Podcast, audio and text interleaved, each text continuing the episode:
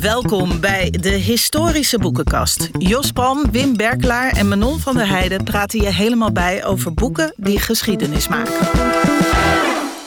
Ja, welkom bij ons eigen historische boekenbal. En we gaan vanaf nu tweemaal per maand de lucht in. Dus vanaf nu is elke twee weken een nieuwe aflevering te horen van de historische boekenkast. Collega podcaster Wim Berkela is hier. En ook bij ons zijn historicus en journalist Pieter van Os, Cesar kennen Tom Buitendorp. Ze komen over twee weken uitgebreid vertellen over boeken die ze hebben gelezen of hebben, of hebben geschreven. Maar ze zijn hier om zich alvast warm te draaien. En hoofdredacteur Bas Korrelhout zit hier omdat hij wil vertellen wat er deze maand in Historisch Nieuwsblad staat. En ook is aanwezig Thijs Westijn. Thijs Westijn, wou ik zeggen. Ja, Thijs Westijn, even blackout Thijs, het is vroeg op de dag.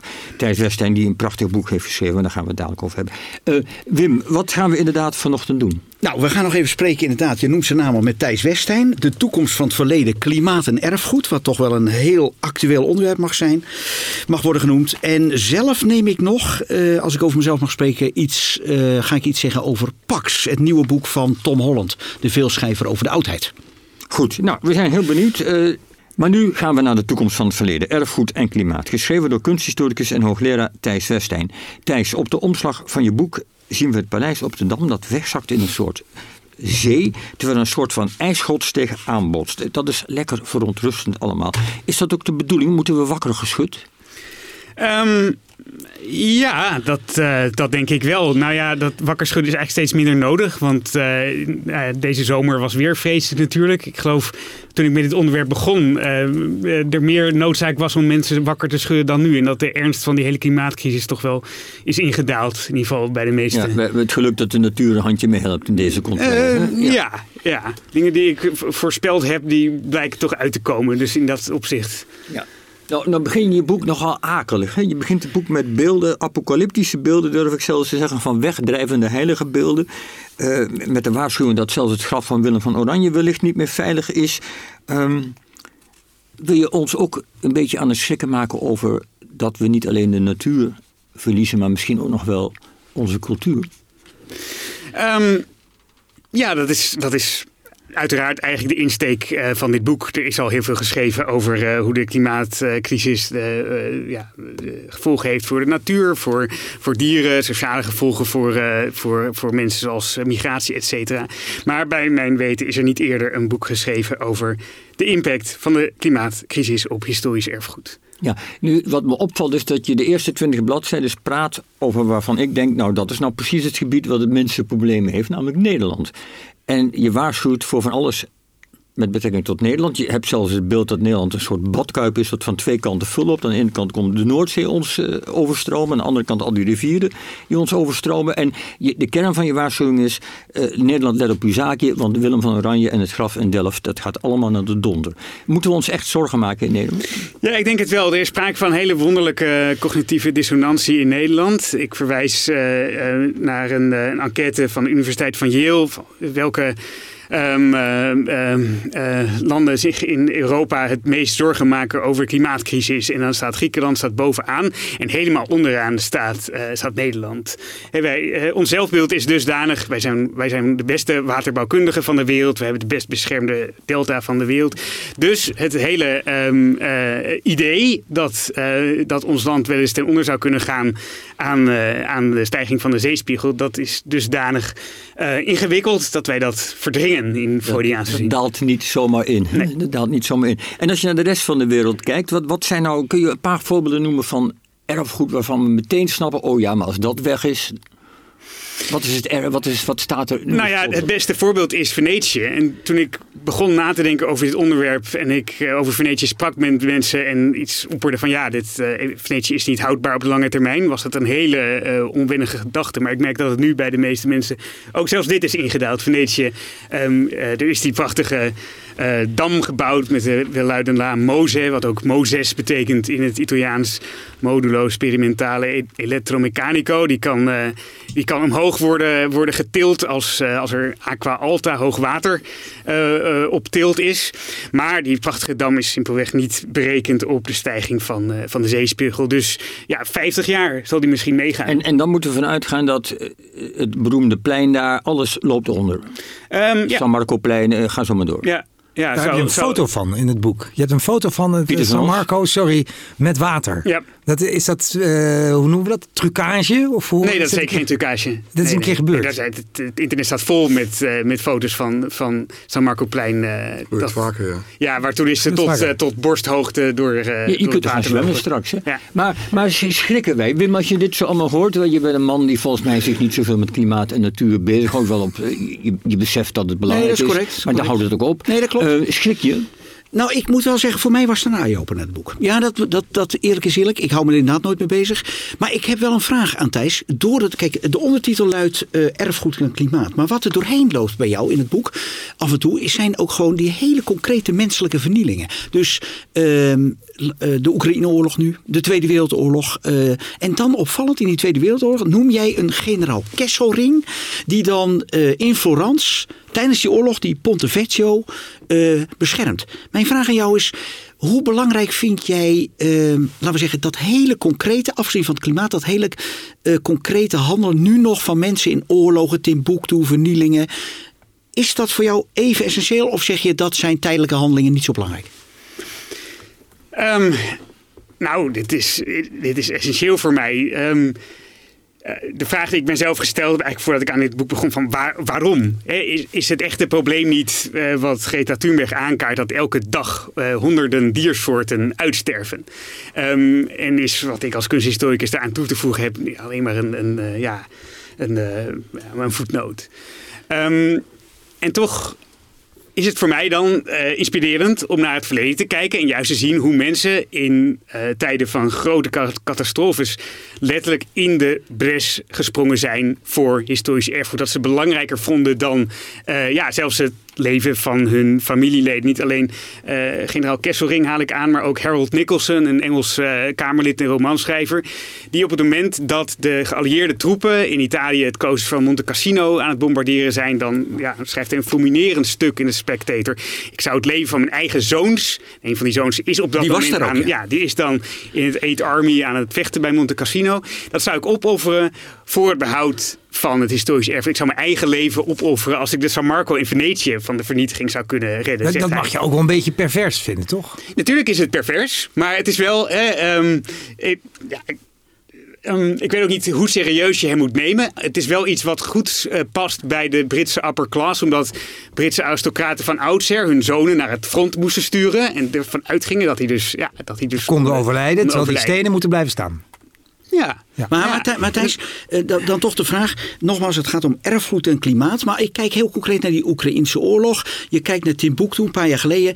Dat menselijk handelen, dat zit er wel een beetje in. Ja, maar ik heb soms gevoel, daar word ik eigenlijk veel somber over. Die Oekraïne-oorlog nu. Ja, maar wat bedoel je nou, Wim? Gewoon de menselijke natuur kan er niks zijn. De natuur is niet schuld. Ik bedoel, de klimaat is de schuld van. Dat, dat komt over ons heen. Dat is de schuld van menselijk handelen op de lange, ook op onzichtbare termijn. Maar dit is bijna moedwillig. Nou ja, Uh, Poetin, et, eh, eh, et En, cetera. en maar daar word ik nog somberder van. En jij? Ehm, hij was al somber. Ja, ja, eh, eh, eh, Poetin is wel bewust bezig hè, met het vernietigen van Oekraïns erfgoed. Eh, de New York Times heeft daar een prachtige eh, ja, een soort multimediale ehm, eh, presentatie van gemaakt. Van wat er niet alleen dat, eh, dat theater met die kinderen in Mariupol, maar veel meer erfgoed wordt wel bewust eh, getarget door de Russen. Maar goed, dat is een onderwerp van een ander boek natuurlijk. Dit, eh, Goed, ja, dan wordt het vervolg. Maar even, even toch nog terugkomend op wat je, de, de vraag die je ook net over tafel ging. Is het niet toch ook een beetje, een, zit hier allemaal met historici en cultuurminnaars, et cetera. Is het ook niet een beetje een luxe probleem, terwijl de aarde naar de donder gaat, straks mensen sterven, dat wij hier een beetje zitten te, te, te, zeuren, is misschien niet het goede woord. Maar wat maakt nou, kun je onder woorden brengen, dat is cultuur, is erf, is, is, is de muur van Hadrianus essentieel voor ons om onszelf te begrijpen. Wat, waar gaat het uiteindelijk om dat we dit behouden? Wat verliezen we als we het kwijtraken? Ehm, ja, eh, ehm, ik geef een aantal voorbeelden in mijn boek. Eh, ik, ik verwijs onder meer naar Yuval Ha- Harari. Hariri, wat is zijn naam? Mhm. Ja, ja, die Eh, is- Israëlische eh, historicus. Ja, de Israëlische historicus die in een interview voor, voor wintergasten was het toen. ja, zich ook opwindt van hier in mijn land. als er één steen van de klaagmuur wordt, wordt gebroken, dan winden zich, zich daar meer over op dan oh, het hele Amazonegebied dat dreigt eh, nou ja, in, een- in, een- in een catastrofale toestand te belanden, et cetera. Ehm, dus het is, het is een hele menselijke impuls. Om juist hè, wat met je eigen identiteit eh, verbonden is. ehm, eh, Ja, maar ik, ik ben eigenlijk aan het vissen naar iets anders. Want het hemd is nader dan de rok, et cetera. De, de is voor ons belangrijker dan de Acropolis. Dat geloof ik allemaal meteen. Maar waar ik eigenlijk vooral benieuwd naar ben, is... eh, hoe belangrijk is nou die het behoud van cultuur? Want ik meen dat bijvoorbeeld in, in de oorlog in voormalig Joegoslavië op een gegeven moment momenten waren dat burgers die daar gewoon slachtoffers waren, wiens familie doodging, zeiden: maar we willen ook dat die brug, ik ben even vergeten welke brug, een Mostar. dat die behouden wordt, want dat is belangrijk voor ons. En toen dacht ik: ah, kennelijk kunnen we niet zonder verbeelding, zonder herinnering. Dan is het leven meer waard. Ja, dat is een ander voorbeeld dat ik geef, waar ik zelf nog, eh, nou ja, iets wat ik bewust heb, heb meegemaakt en als kind al erg van onder de indruk was. Die brug in Mostar, die van oudsher eh, eh, ja, de verschillende delen van de stad, de orthodoxe en, en ehm, eh, het, het islamitische deel van Mostar met elkaar verbond. Ehm, en die dreigt in de vuurlinie te komen eh, liggen. En toen hebben de plaatselijke bewoners met allerlei eh, labmiddelen, eh, autobanden, matrassen, planken die brug tegen afzwaaiende projectielen beschermd. Daar heb ik een foto in mijn boek opgenomen. Toen de Kroatische paramilitairen dit doorkregen, toen hebben ze uiteraard die brug direct onder vuur genomen. Die is toen na, na 24 uur durend bombardement vernietigd. Maar dat, dat je dus in tijden van... geloof ik, hè? Hij is, hij is Ja. ja, zeker. Ehm, eh, dat, dat was een, eh, in, op zich ook een omslag in het denken over wat je moet met historisch erfgoed. We hebben heel lang gedacht, als we het materiaal niet meer hebben, dan is het verloren en kunnen we er niks meer mee doen. Maar dit soort ehm, eh, ehm, ja, eh, catastrofes hebben ervoor gezorgd dat ja, ehm, de culturele waarde soms belangrijker is gevonden dan de materiële authenticiteit. Die is Hey, volledig herbouwd en wordt weer opnieuw heel erg gewaardeerd. Ja. Nou, Thijs, je, je geeft al een voorzetje. Kijk, die Mostarbrug is een voorbeeld van wat ze dan reconstrueren. Ja. Wat zijn, want jij doet een aantal suggesties. Wat zijn die suggesties om hier iets mee in positieve zin mee te doen?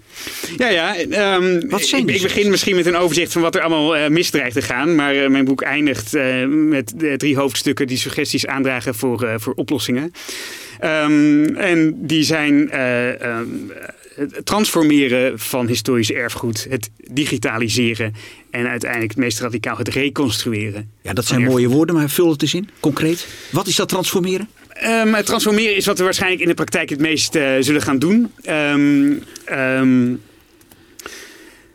En ik, eh, ik ik begin dat hoofdstuk met de blik naar de wereld buiten Europa, waar men al, ja, al van oudsher heel anders aankijkt tegen die materiële authenticiteit. En daar kunnen we mogelijk iets, eh, iets van leren. Eh, de oudste tempel van Japan, eh, de tempel van Ise bij de stad, oude keizerlijke stad Nara. Ehm, die wordt elke 20 jaar volledig opnieuw gebouwd. Dus er is niets aan het hout of het goud of de ornamenten van die tempel dat ouder is dan 20 jaar. Terwijl je toch voor, de, voor, de, voor de koning van, van de keizer, et cetera, de belangrijkste locatie in, eh, in Japan is. Heel eh, ehm, eh, logisch in een, in een aardbevingsgebied zoals eh, Japan. Een ander voorbeeld dat ik aanhaal komt uit, ehm, uit India, een groot eiland in de Brahmaputra-rivier, waar al sinds jaren en dag de kloostercultuur bestaat uit modulaire architectuur, dus volledig uit elkaar gehaald kan worden, elders weer worden opgebouwd, omdat de kustlijn van het eiland elk jaar volledig eh, verandert. Dus ja, ehm, is dat een manier van omgaan met architectuur, met erfgoed, die dus inspeelt op wisten natuurlijke omstandigheden waar we in het Westen van, eh, van kunnen leren. Maar stel je nou eens voor dat bij ons de, het Forum Romanum instort. Of de Acropolis. Jos, noem het al even. Ja. Ja, bij ons in het Westen. Ja, nee, in het Westen. Eh, ja, hè? maar stel je Ja. maar dan, dan heb je toch het gevoel... ehm, ik althans heb dan het gevoel dat als je het reconstrueert en je bouwt het erop, dat je denkt, ja, dit is toch allemaal verloren gaan. Dan zit je met zo'n kopie nep. van, ja, dan heb je toch het gevoel dat het nep is. Maar vind je dat, is dat voor jou nog wel bevredigend dan? Nou ja, het, het zou wel moeten. Hè. Eh, de- in de, de, niet de Acropolis, maar de tempels van Olympia, die, die lagen in, eh, in, eh, in de gevarenzone van extreme branden in Griekenland recentelijk. Ehm, in Italië is het nodige erfgoed is al, is al ingestort door eh, toenemende regenval. Een deel van de, de muren van Aurelianus zijn een, paar jaar geleden ehm, ingestort. Ehm, En weer opgebouwd. Ehm, Niet, eh, om het voorbeeld af te maken. Die, die hebben ze, is weggespoeld, maar ze hebben het weer ja, dan doen, eh, dan doen archeologen wat ze kunnen om dat weer, eh, dat Ja. weer te reconstrueren. Ja, de binnenstad van Gdańsk of de binnenstad van Warschau. Dat is natuurlijk ook allemaal wat jij niet Ja, zou weggebombardeerd in de Maar dit- het staat er wel weer. Ja, nee, Ja, is Warschau is en- een ander voorbeeld. Dat is, dat is volledig eh, eh, eh, from scratch weer, weer opgebouwd. En heeft pas daarna de UNESCO werelderfgoedstatus gekregen. Ja, en- er zijn en- genoeg voorbeelden aan te wijzen waar, hè, waar, waar de erfgoedtheorie en praktijk al op deze manier Di- dichter werken. bij huis, Brugge. Bruggen, Of- of, ja, zeker. eh, Tom Buitendorp, ja. Ja, Thijs, één vraag. Loop je niet het risico dat mensen redeneren... nou, bombardeer het maar plat, want we kunnen het toch weer opbouwen later. Dat, dat je dus een, eigenlijk een alternatief creëert... wat het makkelijker maakt om erfgoed te vernietigen. Ja.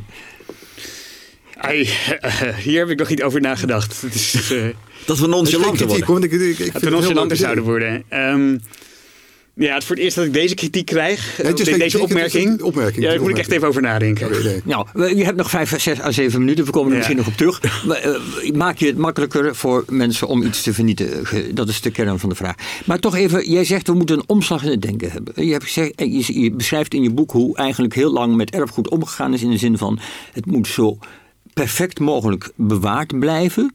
Dan zo echt mogelijk als het ooit was. Of nou een tempel is of dit of dat of zo, daar gaat het om. En jij zegt, we moeten eigenlijk leren weer anders te kijken. Dat A, dat we het kunnen reconstrueren, zoals je nu net vertelde. Maar B, ook bijvoorbeeld, dat we leren iets wat een beetje kapot is, wat oud is, ook weer mooi te vinden. Net als met de liefde. Eh, je begint met een, nieuwe geliefde. Je ziet er mooi en geweldig uit. En, en je wordt ouder en je leert ook de rimpels waarderen. De, zo moeten we eigenlijk ook met cultuurgoed om leren gaan. En heb je die prachtige term ruïnenempfindsamkeit. Ruïnengevoeligheid, een Duitse term uit de 19e eeuw, denk ik.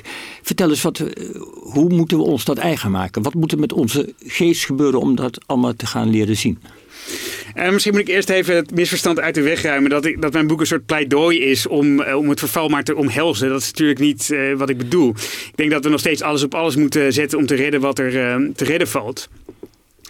Ehm, het is meer simpelweg, eh, eh, het, inzicht daalde bij mij op een gegeven moment in, dat dat ideaal waar we lange tijd van uit zijn gegaan, zeker in het Westen, dat we steeds beter in staat zijn, onder meer met behulp van nieuwe natuurwetenschappelijke technieken, met een steeds verfijnder juridisch en esthetisch eh, ehm, eh, kader, historisch erfgoed te bewaren. De klimaatcrisis is dusdanig omvangrijk dat we hier van af zullen moeten stappen. En op het moment dat je dat realiseert, is er van alles te bedenken en zijn er die buiten-Europese eh, tradities aan te wijzen, waarbij niet zo krampachtig om is gegaan met ehm, het kosten van het kost behouden van elk, elke baksteen uit het verleden. Ja, je gaat Ehm, erin ook best ver, want ik meen dat je ook ergens hebt voorgesteld, als ik me niet vergis, om desnoods het paleis op de Dam maar ergens op de Veluwe te herplaatsen. Als het Ja. echt onderloopt hier. Ja, dat lijkt me toch altijd een betere optie dan, eh, dan Amsterdam maar over te geven aan, eh, aan, eh, aan de golven. Ja. Ja, ja. Ja. en is, is er reden tot ehm, grote zorg eigenlijk? Want je schetst een somber beeld, maar tegelijkertijd schrijf je dat je niet alarmistisch wilt zijn. Ehm, is er reden tot grote zorg? Ehm, ja, ik wil toch even eh, herhalen wat ik eerder zei over die cognitieve dissonantie in Nederland. Hè. Ehm, eh, het laatste rapport van het IPCC eh, gaat ervan uit dat in, in 2150 er mogelijk sprake zal zijn van 5 meter zeespiegelstijging. Er zijn onzekerheden wat gaat gebeuren met ijskliffen in Antarctica en op Groenland, et cetera. Maar goed, dat we, dat we niet kunnen vertrouwen op de deltawerken, et cetera, dat is toch wel, wel, eh, wel duidelijk. Als kunsthistoricus, ik ben, ik ben gewend op de lange termijn te denken. In het verleden keek ik vooral terug naar het verleden, maar nu wil ik toch eh, vooruitdenken en andere mensen aansporen om dat ook te doen. Eh, in ieder geval als gedachte-experiment is die verplaatsing van het Paleis op de Dam echt iets waar we ons over moeten buigen. Juist, dus de mindset moet om. En heb je inmiddels een, een, iets van een antwoord aan Tom Buitendorp, die net opmerkte dat we door eh, reconstructie aanvaardbaar te gaan vinden, alles weer nieuw opbouwen, misschien eh, het de vernietigers makkelijker maken om te vernietigen? Ehm, Misschien een prijs die, eh, die, die we moeten betalen. Goed zo, Pieter. laten we het daarbij houden. Ja, goed. Het boek heet dus. ehm, De toekomst van het verleden. goed zo, Wim. eh, erfgoed en klimaat. Juist. Thijs, bedankt. Wat staat er deze maand in Historisch Nieuwsblad? Ja, en dat gaat Bas Kromhout, hoofdredacteur van het Historisch Nieuwsblad, ons vertellen. Nou, Bas, vertel op. Wat staat er in het Historisch Nieuwsblad? Ja, het eh, nummer voor september heeft een dossier dat gaat over het verzet van inheemse Amerikanen, Indianen dus. Eh, op twee momenten in de geschiedenis. Eh, op het moment dat zij eh, in het westen te maken krijgen met de witte kolonisten die hun grondgebied komen innemen. Allerlei vage beloftes doen over gebieden die ze niet zullen schenden, maar vervolgens toch schenden. er zijn dan een aantal beroemde, legendarische voormannen uh, van, van de Lakota-Indianen. En dat zijn uh, Sitting Bull, oftewel zittende stier, uh, en Crazy Horse. Ja, wie, wie tooit het, de voorpagina van die historisch Dit is Sitting Bull. Sitting Bull, ja. En ja, ik vind het zelf een prachtige foto met een man die echt... heeft hij nu wel of geen veer in doordringend, zijn hoofd, Ja, hij heeft, ja, hij heeft ja, twee veren. Hij kijkt je doordringend aan, recht in de lens. een, een haarscherpe foto, zeker voor die tijd. Uh, en je ziet eigenlijk de onverzettelijkheid in zijn gezicht. En uh, ja, dat is waar het stuk over gaat. Uh, zij kunnen helaas het noodlot niet, niet keren. Was er en, iets met een slag? Ja, zeker. Zij, zij leveren de slag met het Amerikaanse leger, boeken ook overwinningen. Maar uiteindelijk delven ze het onderspit en worden ze ook verraden. He, ze, ze, besluiten opnieuw om de, de witte man te geloven op zijn woord. Uh, dat, die hun, uh, hun uh, dat ze sluiten een deal en, en ze beloven dan weer een gebiedsafbakening. Maar uiteindelijk worden al deze deze beide mannen worden gearresteerd is en dat vermoord. Ook het moment dat in, in, in deze geschiedenis dat die beroemde slag bij Little Big Horn plaatsvindt? Ja, dat is... Ja, 19, wat is het, 1876 ja, geloof ik? Waar, waarbij uh, Custer, een, een, een, echt een beetje echt een rouwdouwer, een man die, uh, die, die heel ambitieus is, die vooral om zijn eigen carrière vooruit te helpen, ja, het voortouw neemt in het bestrijden van, van, van indianen. Daarbij ook gruwelijke misdaden begaat, vrouwen en kinderen afslacht maar zelf uh, bij Little Bighorn inderdaad zijn einde vindt. Dat is ook het moment als dat gebeurt, dat, dat de publieke opinie uh, bij de witte Amerikanen zich ook tegen de Indianen keert. Want die zeggen, ja, als, hè, als we onze officieren uh, gaan afslachten, dan, dan, dan moeten we een einde maken aan, de, aan, die, aan het Indiaanse verzet. En, en dit is één stuk. Jullie ook nog ja, het andere stuk, over... gaat, dat, dat, dat gaat eigenlijk 100 jaar later, 1969. Dan is er een soort nieuwe uh, bewustwording, uh, nieuwe ontwaking van, van, van Indianen uh, die op dat moment er slecht aan toe zijn. ze leven nog steeds in, in reservaten waar ze het kamp hebben met, met grote armoede, werkloosheid. Uh, maar er is dan een nieuwe generatie die, die, uh, die gaat studeren, die naar de stad gaat en, en die dus ook uh, politiek bewust wordt. En die ja, actief wordt om, om de rechten van, van de inheemse Amerikanen op te eisen. En in 1969 is er een bekende protestactie op het eiland Alcatraz, het voormalige gevangeniseiland van, van, van San Francisco, dat zij bezetten.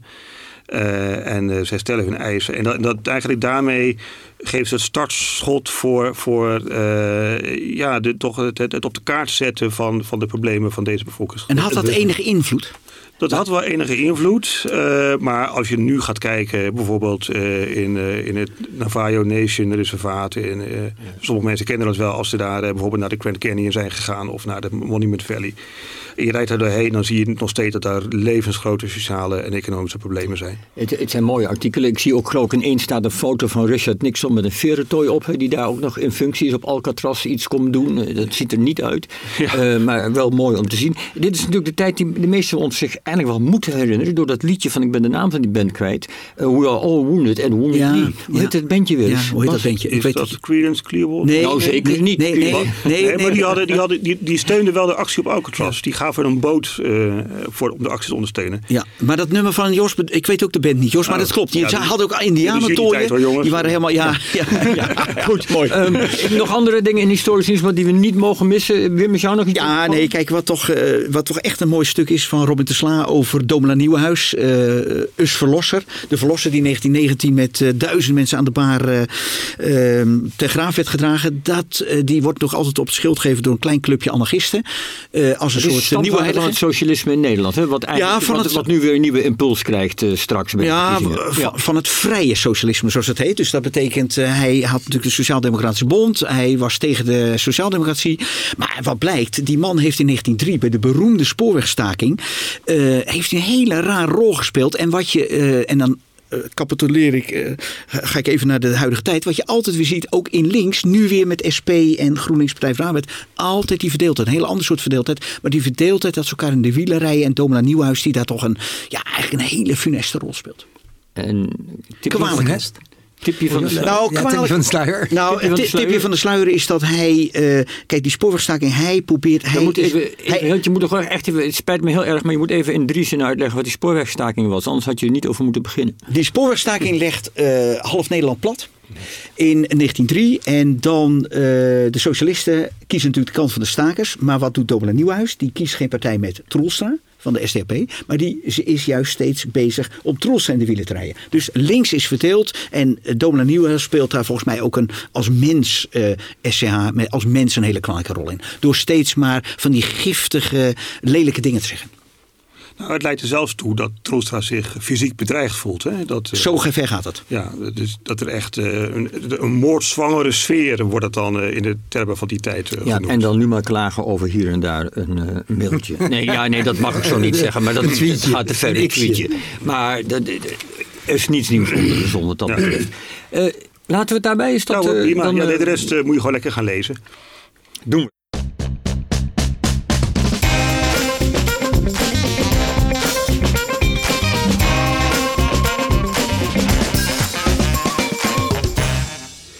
Pax, Oorlog en Vrede in het Gouden Tijdperk van Rome. Eh, geschreven door Tom Holland. Dat is het ontzagwekkende en indrukwekkende boek over een even ontzagwekkende en indrukwekkende tijd. Namelijk de eerste twee eeuwen van het Romeinse keizerrijk. Waar moordlust en eh, geweld even gewoon waren als vermaak een cultuur. En waar wantrouwige keizers waakten over hun onderdanen. Eh, we hebben het natuurlijk over het nieuwe boek, ik zei het al, van Tom Holland. Pax. Wim, jij hebt het voor ons gelezen, of je hebt het gelezen. Zeg het maar, beviel dit boek? Ja, het beviel, maar ik heb er ook wat commentaar op. Eh, laat ik eerst zeggen, het is een, eh, een drie, het, eh, het derde deel van een drieluik. Het eerste was Rubicon. Dat gaat, laten we zeggen, over Caesar, die, nou ja, daar weet Tom alles van.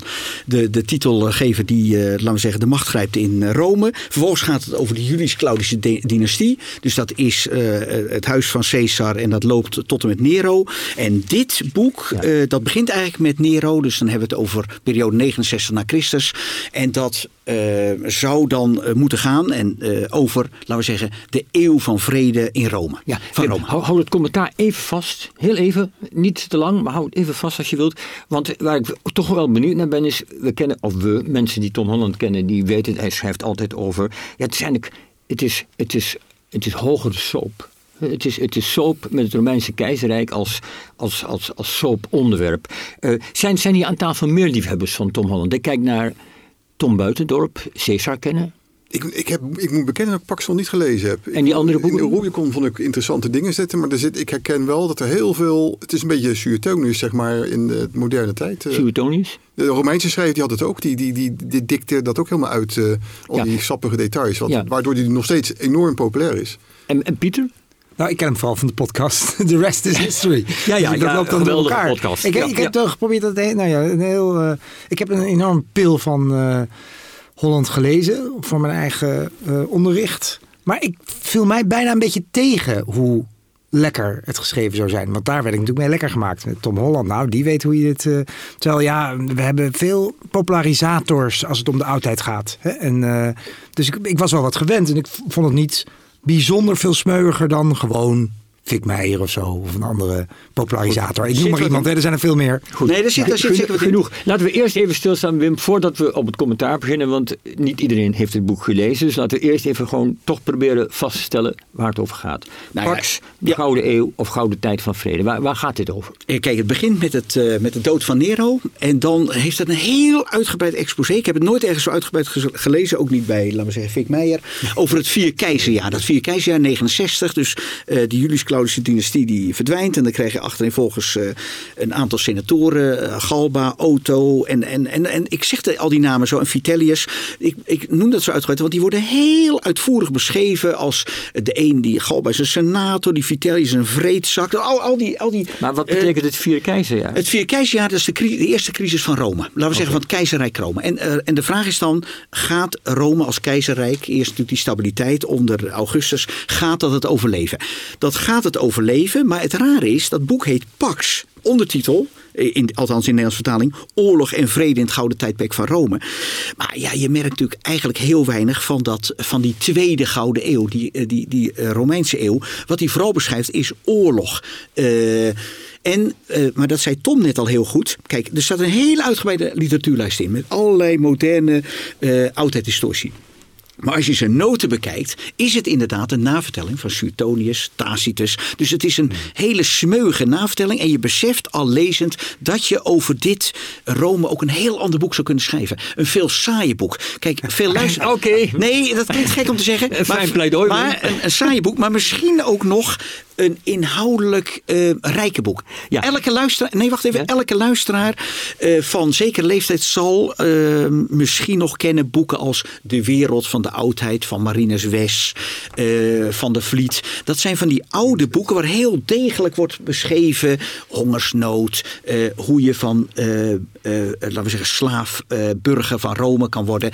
kortom, dit boek blijft erg, erg in de elite zitten. Het vertelt heel smeug na, doet dat ook wel goed. Uh, misschien af en toe te wijdlopig. Het houdt, het houdt niet echt een focus vast. Uh, en nog iets. Het heet uh, Pax de Gouden Eeuw van Rome. Maar heel interessant, dat zie je heel vaak bij die boeken over, het, uh, over de Gouden Eeuw van Rome. Die Gouden Eeuw van Rome, moeten we even zeggen, zijn niet de eerste twee eeuwen, maar is de tweede eeuw. En die loopt, laten we zeggen, vanaf uh, de dood van Domitianus. Dat is een van de Flavische keizers, waar onlangs in Leiden nog een hele uh, expositie over is geweest. Tom weet het. en dan loopt het tot een eeuw later en dan eindigt het met Marcus Aurelius, de beroemde keizer met zijn overpijzingen. Maar, maar, let op, ja. wat veel van die boeken doen, en dat is bij Tom Holland ook zo, die eindigt eigenlijk in 138, ja, ik noem dat jaar, die eindigt bij Hadrianus. Dus dat hele deel daarna, die tweede helft, laten we zeggen 138, 198, dat komt er helemaal niet voor. Dus dat is heel apart. Dat gaat dan over de Gouden Eeuw, maar het is net of die over die Gouden Eeuw alleen maar iets te vertellen is over roemruchten, keizers waar het altijd gaat over vooral oorlog en minder vrede. Goed, dat betekent dus dat we een boek bij de kop hebben waar uh, wat erin zou moeten staan, het meest fundamentele, er niet in staat volgens jou. Uh, laat, laten we toch even die, die, die, die, die tijd na te lopen, om, om, om, dat, dat, dat, men, dat we snappen waar het eigenlijk over gaat.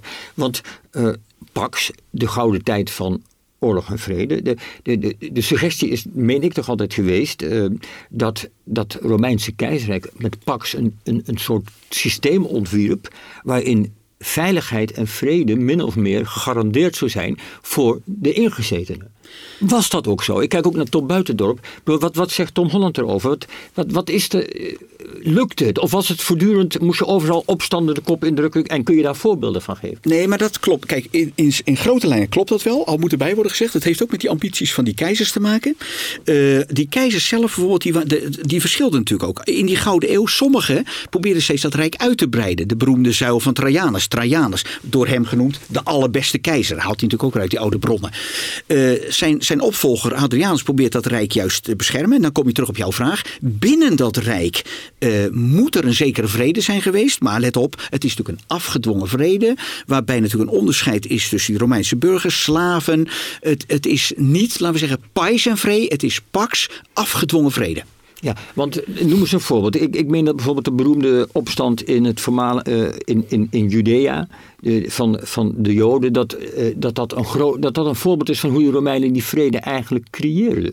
Zeker. Ja, natuurlijk, met bruut geweld. Kijk, dat, dan heb je het over de periode van de Flavische keizers, keizer Titus, en dan er is natuurlijk een idee, die Judeërs zijn eigenwijze uh, kloothommels, om het even zo te zeggen. Die aanbidden een eigen god. Uh, dat doen we niet in dat veel, uh, veel godendomachtige Rome. En als je dat leest, dat doet hij ook heel uitgebreid. Dat is natuurlijk dat typische vertellen. Hij baseert zich op uh, uh, Flavius Josephus, de Joodse geschiedschrijver. En dan wordt het ook heel uitgebreid verteld met wat voor bruut geweld, sluwheid en intrige dat hele, die Judeërs eronder gebracht worden.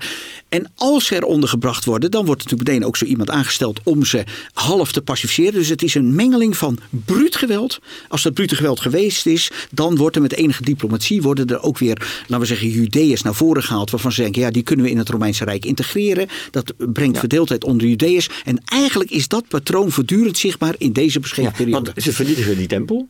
Ja. En tegelijkertijd wordt een, een, een Romeins, althans een, een Joods opstandeling als Flavius Josevius, de be- latere beroemde geschiedschrijver, die gaat naar Rome. Ja, kijk, eh, Flavius... En, en, en dat wordt een burger, een Romeins burger. Nou ja, dat is natuurlijk de kracht van het Romeinse Rijk. Dat is ook eh, super interessant dat je natuurlijk eh, ziet dat, dat, dat je voortdurend figuren die, laten we zeggen, aan de rand van het Rijk zitten, die geen Romeins staatsburger zijn, die wordt een kans geboden eh, om, laten we zeggen, burger te worden. Waarbij moet worden gezegd dat Flavius Josephus is een van de vele mensen die natuurlijk gewoon onder de indruk is van dat Rijk. Dus dat is een, een Jood die toch eh, als Jood zich ook heel erg verbonden wordt en ook onder de indruk is van dat Rijk. En dan een soort spreekbuis is, eh, met, met een soort gespletenheid, een spreekbuis is van zowel Rome als eh, van eh, Maar- Joodse burgers, maar, vooral nou- van Rome. Wat is nou het geheim volgens ook onze, onze vriend Tom Holland van het Romeinse Rijk? Iedereen, behalve een klein dorpje, et cetera, iedereen wil Romein zijn. Eigenlijk is dat de kern dat, dat er de mogelijkheid wordt geboden om Romein te worden. Dus eh, het is niet een star systeem waarin alleen maar de elite, hoewel die elite natuurlijk steeds aan het woord is. Hè, dat zie je ook steeds in Suetonius en zo. Het gaat altijd over die keizers. Maar het is natuurlijk een gelaagd systeem waarin je burger kunt worden. En waarin je ook kunt streven naar burgerschap. Het is een beetje, laten we zeggen, ik, eh, eh, vergeef me de vergelijking. Je bent arbeider en je wil tot de middenklasse behoren in Nederland. Nou, die, dat streven, dus je wil, je wil een autootje hebben en je wil behoren bij die middenklasse. Dat streven zit er heel embryonaal ook in het Romeinse Rijk. En dat wordt ook geboden. En is het dan ook zo dat, net als nu bijvoorbeeld veel mensen uit andere delen van de wereld naar Europa trekken omdat ze Eu- Europeaan willen zijn, dat toen iedereen naar Rome trok? Als ze de kans kregen? Nou Of- ja- Of, of hadden ze een systeem dat ze Rometjes nabouwden in de rest van hun rijk? In de rest van, eh, van buiten, Van het buiten Rome. Romeinse Rijk, ja. Nou, dat, dat zeker. Dat is zeker gebeurd. En nogmaals, je kon ook stijgen. Kijk, laten we e- even heel concreet even naar die keizers noemen. eh, noemen. Trajanus was een Spaans keizer. Dus dat is een Spaanse generaal die in, eh, laten we zeggen, in, Spanje zit. Dus je kon zelfs, je kon zelfs, dat heeft natuurlijk wel met soldaat, het soldateske te maken, maar je kon zelfs tot grote hoogte stijgen in dat Romeins Rijk. Dus het is geen star systeem. Je kon eh, als burger zelfs tot de grootste hoogte reiken. Ja, en je kon. Betekent dat ook dat dat veel gebeurde? Want ik heb altijd de indruk dat het Romeinse Rijk, je hebt daar een hele enorme massa van slaven. En daarboven een topje van burgers. En, daar, en daarbinnen was het ook nog een samenleving van de ene burger is de andere niet. Eh, hoe moeten we naar het Romeinse Rijk kijken? Kijk even naar Tom Buitendorp, die hier als, als oudheidkenner zit. Hoe, hoe, hoe was dat? Nou ja, het lastige is dat dat detailniveau kennen we eigenlijk heel slecht. Dus ook zelfs hoeveel pro- procent slaven was er nou en dergelijke is, is moeilijk gekend. Maar de bekende voorbeelden zijn er wel. Dus van een keizer Pertinax die een, zoon was van een vrijgelaten slaaf. Dus er zijn wel vrij opvallend veel voorbeelden van mensen die een rare carrière maken. Dat je denkt, hé, hey, dat is opvallend. Maar inderdaad de vraag van hoe, hoe goed hadden de mensen nou de doorsnee eh, bevolking, dat is best lastig. En dat probeer je dan met archeologie eh, te achterhalen. En dan krijg je wel een beetje een beeld bij. Maar dat, dat, dat is een hele lastige. En eh, het is absoluut het feit dat er veel slaven waren. Is discussie over hoeveel dan. En dat verschilde ook in steden en platteland. Eh, en er wordt ook best wel veel onderzoek gedaan van ja, hoe goed hadden die mensen dat dan? En, eh, maar dat is wel lastig om daar een vinger achter te Maar krijgen. vrienden, we moeten heel nuchter zijn. Een, een keizerrijk wat eeuwen bestaat, dan hebben, en beperk me niet eens tot, tot vier, vijf eeuwen, maar eerst die twee eeuwen. Een keizerrijk wat twee eeuwen bestaat, kan niet statisch zijn. Dat kan niet statisch zijn. Dat moet fluïde zijn om. eh, om te bestaan. Kijk, als, als een rijk statisch is, ik zou bijna zeggen, kijk naar eh vreemde vergelijking weer, kijk naar de Sovjet-Unie onder Brezhnev. Als het een periode is van stagnatie, als er een periode is van niets is, dan hebben we het over de jaren 70 van de Sovjet-Unie. Als het niets is, dan komen er hervormers en dan, dan gebeurt er iets. Dus dit rijk moet, moet bijna, als het twee eeuwen bestaat, dat moet fluïde zijn om het te laten bestaan. Dat wil ik best van je geloven. Meteen klinkt ook zeer aannemelijk. Waar we natuurlijk toch moeilijk achter komen. En daar komen we bij Tom Holland vermoedelijk ook niet achter. Eh, hoe was het nou voor, de, laten we zeggen, de, ja, je had het net over de middenstander met het autootje. Waar, wat, wat elke Romein wil zijn. Goed, why not? Ehm, hoe was het nou voor hen? Nee, kijk, die vraag is uitstekend, Jos, maar die vraag wordt niet door Tom Holland beantwoord. Omdat, wat ik al zei, kijk naar het noodapparaat. Tom Holland kijkt eigenlijk in de kern naar die elite. Die vertelt die elite na via eh Suetonius, Tacitus, dus dan zitten we in de periode van Tra uh, Trajanus, eerste eeuw. En dan later Cassius Dio. Al die klassieke geschiedschrijvers, die neemt Plutarchus nog een beetje, neemt hij allemaal over. En dat, dat vertelt hij na. Dus hij, veel verder komt hij daar niet. En daar is steeds meer kritiek op. Hè? Dat, Tom dat, Buitendorp, ja. dat, dat wordt gezegd, van dat waren senatoren en keizers die kritisch waren op de Senaat. Die kregen een slechte pers. Precies. Dus daar wordt steeds meer voor, voor gecompenseerd ook. Van keizers die een hele goede pers. Trajanus bijvoorbeeld. Wordt nu ook wel van gezegd. In een boek van mij heb ik het ook gezegd. Nou, er zitten nog wat kanttekeningen bij. Eh Hadrianus die had de Senaat tegen zich. En daar zijn dan best wel weer negatieve verhalen. Dus daar wordt ook voor gepro gepro Zeer juist, omdat- zeer juist. wordt gezegd, Heel- Zelfs van Nero zeiden nu mensen die zeggen... Nou, was hij nou echt wel zo, zo raar? Of Caligula. Er zijn best... Van wie weten we dat eigenlijk? Ja. En dan is het dus Ja. de conservatieve elite die schreef. Die schreef en die had een die- bepaald belang. Ja, ja. En dan, nu dat is beperkte razend bronnen. interessant overigens hoor. Want het- Maar dit, dit is natuurlijk wel dodelijk voor Tom Holland. Dus eh, in zekere zin. Ja, dan. maar ik heb Want- niet gelezen het want- dus ik- ik nee, niet, nee, hoor. maar goed, bij- nee, maar even. Want we hebben. De suggestie wordt nu gewekt. eh, En zelfs meer dan dat. Dat de bronnen waar hij zich op baseert. Dat hij die met wantrouwiger ogen zou moeten lezen dan dat hij ze leest. Als we kijken naar het vorige deel over ehm, Nero eh, en noem Ja, de Julius Caligula en zo, ja. Julius Claudius huis. Ja, dat is echt een hele fijne, sappige navertelling van ja, wat ik straks al zei, een soap van hoe die lui elkaar probeerden af te maken. En moeders en dochters. En het hele zootje was voortdurend bezig overspel en elkaar af proberen te maken en de macht ontnemen. En dit dit, dat is het boek. Maar als- hij En daar dat- eerlijk over is, is dat natuurlijk niet zo'n probleem. Ja. Nee, nee, maar hij baseert zich dan voor een deel ook op die bronnen waar jullie juist van zeggen, zijn die wel betrouwbaar? Nou, je moet, kijk, kijk, ze zijn, kijk, we, we moeten ermee doen, Jos. Dus we, zijn, we hebben beperkte bronnen. We moeten ermee doen. Maar je moet ze, en dat gaf Tom net al heel goed aan, je moet ze kritisch lezen. Dus Tacitus is daar een heel goed voorbeeld van. Die heeft heel duidelijke voorkeuren. In dat schrijven Suetonius geldt het ook voor. Als dat kritisch gelezen wordt, kan dat. Het probleem bij Tom Holland is een beetje dat hij zich als verteller laat meeslepen door zijn eigen vertellingen. Ook geen maat houdt. Want jongens, dit boek, dat telt 368 pagina's in een ultra klein eh, gedrukt. Als dat een beetje in een fatsoenlijke druk is, is het, met alle waardering voor het Atheneum, eh, altijd goed doen, is het een boek van 800 pagina's. En, en Wim, dus, maar jouw conclusie is dan toch, ehm, Sorry. ondanks de beperkingen, beperkingen, wel een lekker boek? Ja, kijk, als je wil weten van de elite en de decadentie van Rome, dan is dit een heerlijk boek. Maar lees eigenlijk vooral er de degelijke, wat saaiere eh, boeken naast. Dat is mijn conclusie. Dankjewel. Het boek heet dus Pax, Oorlog en Vrede in het Gouden Tijdperk van Rome en is geschreven door Tom Holland.